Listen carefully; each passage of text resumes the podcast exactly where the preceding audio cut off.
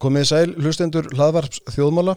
Við byrjum ykkur velkomin. Það verður heldur ofinnlegu þáttur hjá okkur í dag að því litum til að ég er ekki með gest hér í stúdíónu í dag. Heldur allir að ringja til Flórida uh, og ræða þar við unga konu sem heitir því fallega nafni Alejandra Franganillo. Hún er 22 ára á kúpverska fóldra og afa á ömmu sem að flúðu frá kúpu á sínum tíma þegar að kommunistastjórnin tók þar við völdum fyrir 62 árum. Hún hefur verið mjög ábyrjandi á samfélagsmiðlum þar Vestanhafs síðustu daga en það eiga sér stað mikil mótmæli á kúpu í dag þar sem að fólk er að fara út á götur og mótmæla sitjandi stjórnvöldum og ekki bara það heldur kalla þau nýður með kommunismann. Lífið á kúpu eru auðvitað svo að segja umulegt. Við höfum þessa bjöguðu ímynd af og kannski haldið romantíska ímynd af rólegu lífi þar sem að fólk kýrir um að gömni bílum og reykir góða vindla og dansar og hefur gaman. Þetta er náttúrulega ekki alveg svo einfalt. Alejandra ætlar að útskýra þetta fyrir okkur.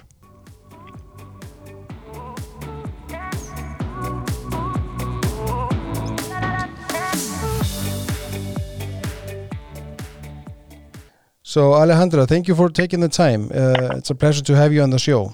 Uh, no, thank you for having me. So we've been seeing a lot of uh, protest in Cuba in recent days. Can you explain in short what started that? I mean, how, how it started and what's happening right now? What happened on July 11th was really uh, spontaneous. I mean, nobody saw this coming. Previously, there was there was a collapse in in um, the Matanzas Hospital, which is like a big city in in Cuba, and it's right next to one of the biggest local tourist places. It's called Varadero Beach, so right next to Matanzas, and you had this big collapse. People were dying in on the floors. People were lacking medicine, attention. It was. They said it was COVID, but God knows it wasn't. But this is does not come as a surprise. I mean, shortages and scarcity and lack of basic necessities has always been a reality of Cuba. But the protests really were an escalation of one of the, I would say, the most harshest periods of the island since 1991. So really, these protests are just simply, and I really want to emphasize this because there's been a disperse of narratives saying it's the embargo, it's COVID, it's this. No, this is a protest pleading for liberty and a change of regime and change of system. The yeah, system yeah. no long no the system is no longer effective to you know provide prosperity, to provide stability, and most of all to provide Cuba with a with a, an advantage of life, a good and and a stable life that you know all of us individuals thrive for. So that's what's been going on. That's right, because we've seen on the news that people are protesting communism. I mean, they, they are calling out, yes. you know, down with communism, and we haven't seen that in, in decades in Cuba. Exactly, exactly. The the thing is, is that it's communism. It's a socialist system that has brought Cuba to its 62 years of misery and and scarcity and just repression.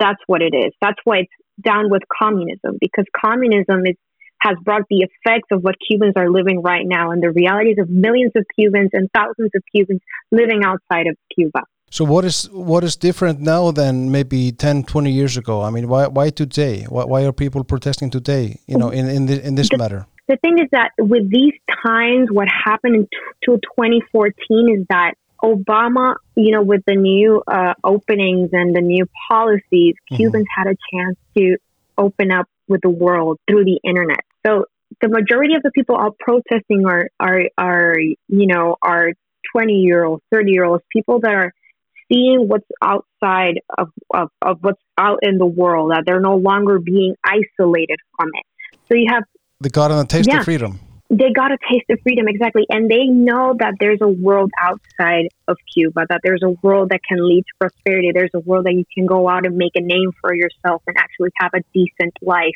That's the thing. So right now it, it was an escalation of people knowing understanding how to like counter argument what what the regime what the propaganda says so this was the moment that Cubans said, "No more fear. We already know what's going on. We're hungry. We're tired. We're we're so done with this this system that does not work for us." And that's it. That's what it is. Can you imagine thinking that you're 62 years, a generational thing that you go on into the TV, and all you're seeing is propaganda and the state and the and the and the embargo. And then suddenly you have you have access to the internet and you see people in the United States in Europe and Latin America with all these accessibilities that you haven't been able to. Mm-hmm. and then you can read books and articles you know talking about how capitalism works and how free market works and how can people have iPhones. That anyone anyone else can have iPhones can go to the supermarket. That is what it is how should I say this? How how is the older generation handling uh, this situation? I mean, because they have been oppressed for, like you said, six decades. Well, let me tell you. Think about it. You've been living your whole life through a lie. So the old through a lie, and you have given your life and your service your service to an ideal. And now that you know it doesn't work, how hard it is for you to admit that you were wrong. So I would say that exactly. the mentality of this older generational is that because Cubans are very how to say we have a big ego. We don't like to admit that we're wrong, you know. So this older generation is refusing to admit that it's wrong, and mostly those are the ones that are staying home. But it's really the young people that are out there protesting because they acknowledge that you know the system does not work anymore. We're young, we're free. They acknowledge that we're free, that we have the right to live in freedom. So that's really what's going. Mm-hmm. One, thing I've noticed is, and, and this is not only here in Iceland. I mean, we, we see this in Europe and, and in, in the states that the um, you know those who are more more on the left they, they blame the uh, yeah. U.S. embargo on on the on the everyday situation in Cuba. But what's your take on that? There's, there's no one like there, there is an embargo, but think about it. I just want to every leftist I say to this, okay, if the embargo is lifted tomorrow, Will the Cubans have access to basic necessities? No. Will Cubans be able to vote? No. Will Cubans be able to, to buy and sell property? No.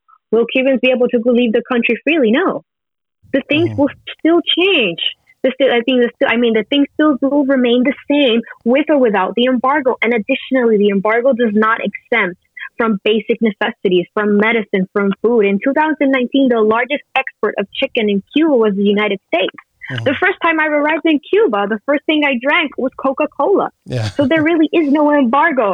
The largest, the, I think that the largest product that runs in, in Cuban economy is the dollar. And the largest account for Cuban economy, and 11% of Cuban comes from what, what families here uh, send to their families back home. So there mm-hmm. really is no embargo. Mm-hmm. So anyone who wants to blame this on the embargo, it's no, it's it's the protests are people demanding liberty, people demanding a change of system, people demanding union with, uh, from the from the island and people here in the exiles to unite and call for the end of the regime. That's really the essence of it. You're not hearing people in the streets saying end, end the embargo and, and the United States. But what they're chanting in the streets is we want freedom and we want liberty. We want a change of system. It, it is time for a government that works for us and represents us. And that's, yeah. Can you describe in short, uh, you know, just everyday life in Cuba? Because uh, we have this, like I mentioned to you before when we were preparing for the interview, uh, you know, people have this romantic idea of, of the uh, relaxed life in Cuba where people drive, you know, old cars and th there seems to be no worry in life. Is that a false image or? Of course. Okay, think about it. Remember, when you wake up in Cuba, the first thing that you think is, what am I going to eat today and how I will be able to find it? If I'm not able to find it, how am I going to steal it? If I can't steal it, what am I going to do? Life in Cuba is very primitive, it's very raw. It's like a, it's like a natural state of survival. It's not, you don't live a normal life in Cuba. You wake up in survival mode mm-hmm. for for searching basic necessities, for searching food, for searching whatever it is that you can find to make um, to to just just to make it. You know, there is no normal life where you can go to a mall with friends, where you can go out dancing. No, it's waking up and thinking, how am I going to live today? How am I going to feed myself? How am I going to feed my family? If I'm just making a twenty dollars a month and the rice and, and the beef is costing us like thirty five dollars, how am I going to do that? Yeah, that's yeah. life in Cuba. That's life in Cuba. Mm-hmm. What about you, what about the healthcare and education? Because I know the the uh, government has has uh, bragged about that throughout the years that they have such a good. That is such a lie, and mm. that's such one of the biggest propaganda that the Cuban government has uh, you know, uh, perpetuated throughout all these years. And I can tell you that if when when you go to Cuba, and and I ask everyone who wants to go to Cuba as tourists, go deep inside and and go and talk to your average Cubans. Go to the hospitals; they're open. What you will see is the most repulsive and, and disgusting and lack of everything. And you just think, how in the world will will anyone just not get sick here? Why? How can anyone die here? Because it's, it's just repulsive.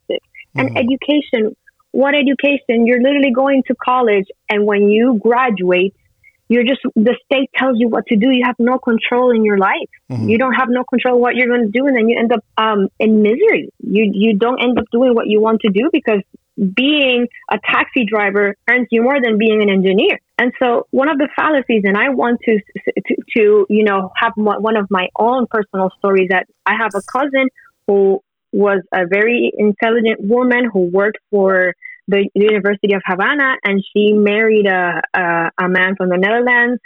And she went to the doctor to get a breast exam and when they saw the little lump, they said, "Oh, don't worry, that's nothing. You come back here in six months because she was visiting uh, her boyfriend in the Netherlands, and when you come back, we'll just take it off."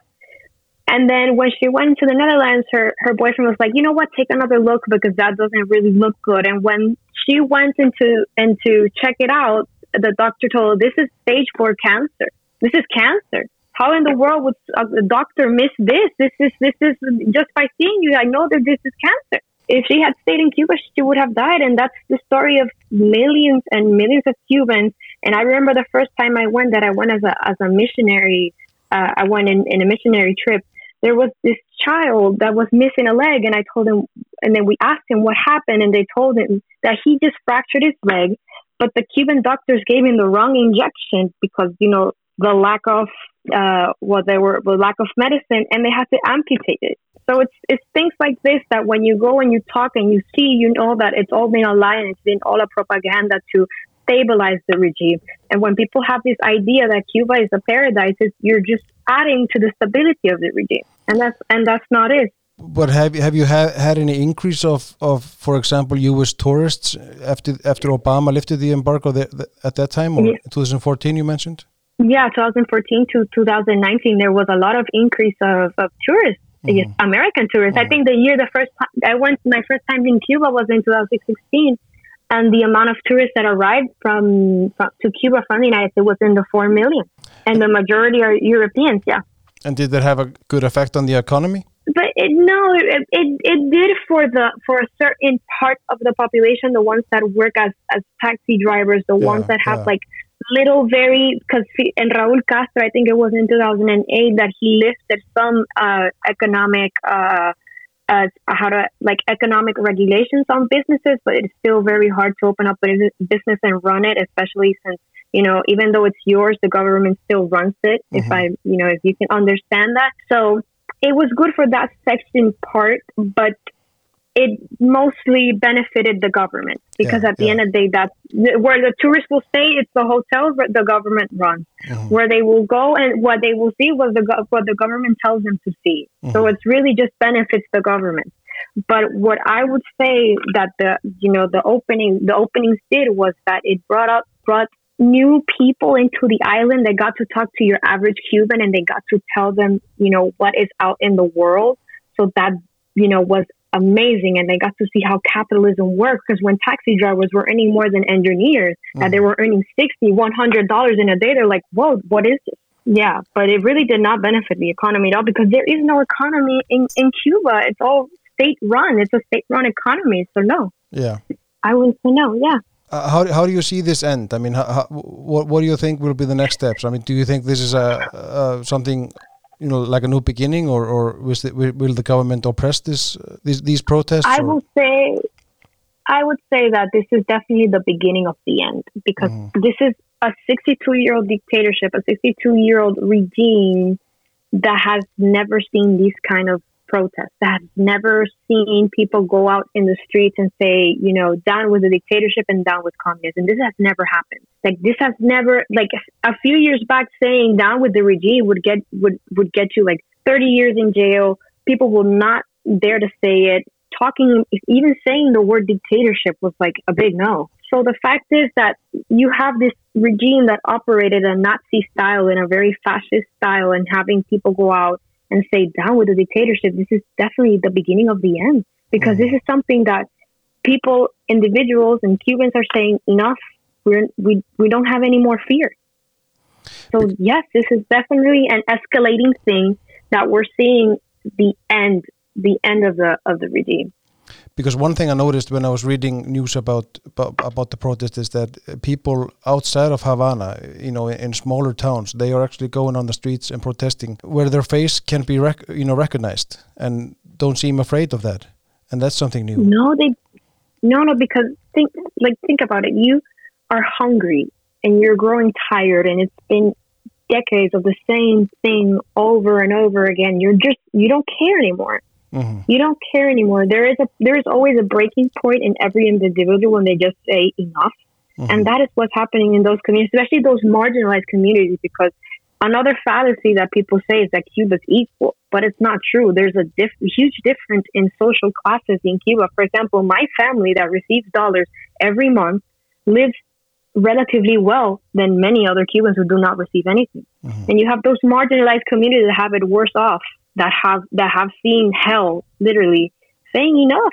We don't care anymore. If they kill us we'll die but i will not stand another day living living like this. So it's so it's that's what's happening. And you have you have people just saying you know done. Like we're done. That's that's literally what's happening. So you have young people with nothing to lose basically.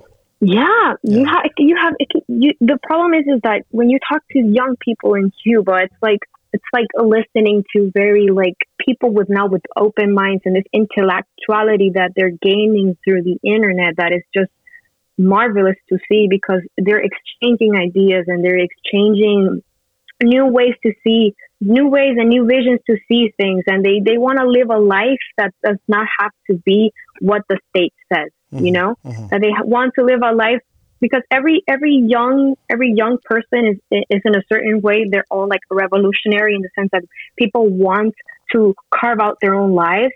And this is what's happening to young men and women and, and young people that they, they just want to take control of their own lives and they're seeing that this system does not permit them to. Well this is all very interesting. Thank you for taking the time to talk to us. Oh no thank you for calling me. I mean it's a lot of things. I hope i hope i was able to to suffice what was going on and all the things that you know encompass Cuba. Yeah, you gave us a good picture of it, and hopefully we will see some change there in the coming future. Oh, I definitely do think that we will see some change, and this is like I said, the, the beginning of the end. And just know that this is just an escalating thing that we're seeing. Yeah, exactly. So Alessandra, thank you. Or Alejandra, that's how you pronounce it. yeah. So uh, thank you, thank you again for taking the time, and hopefully we will have you back sometime soon, and you know with with, with, yeah. with even even greater news. Thank you, thank you so much. All thank right. you for calling me. Thank you. Bye, bye.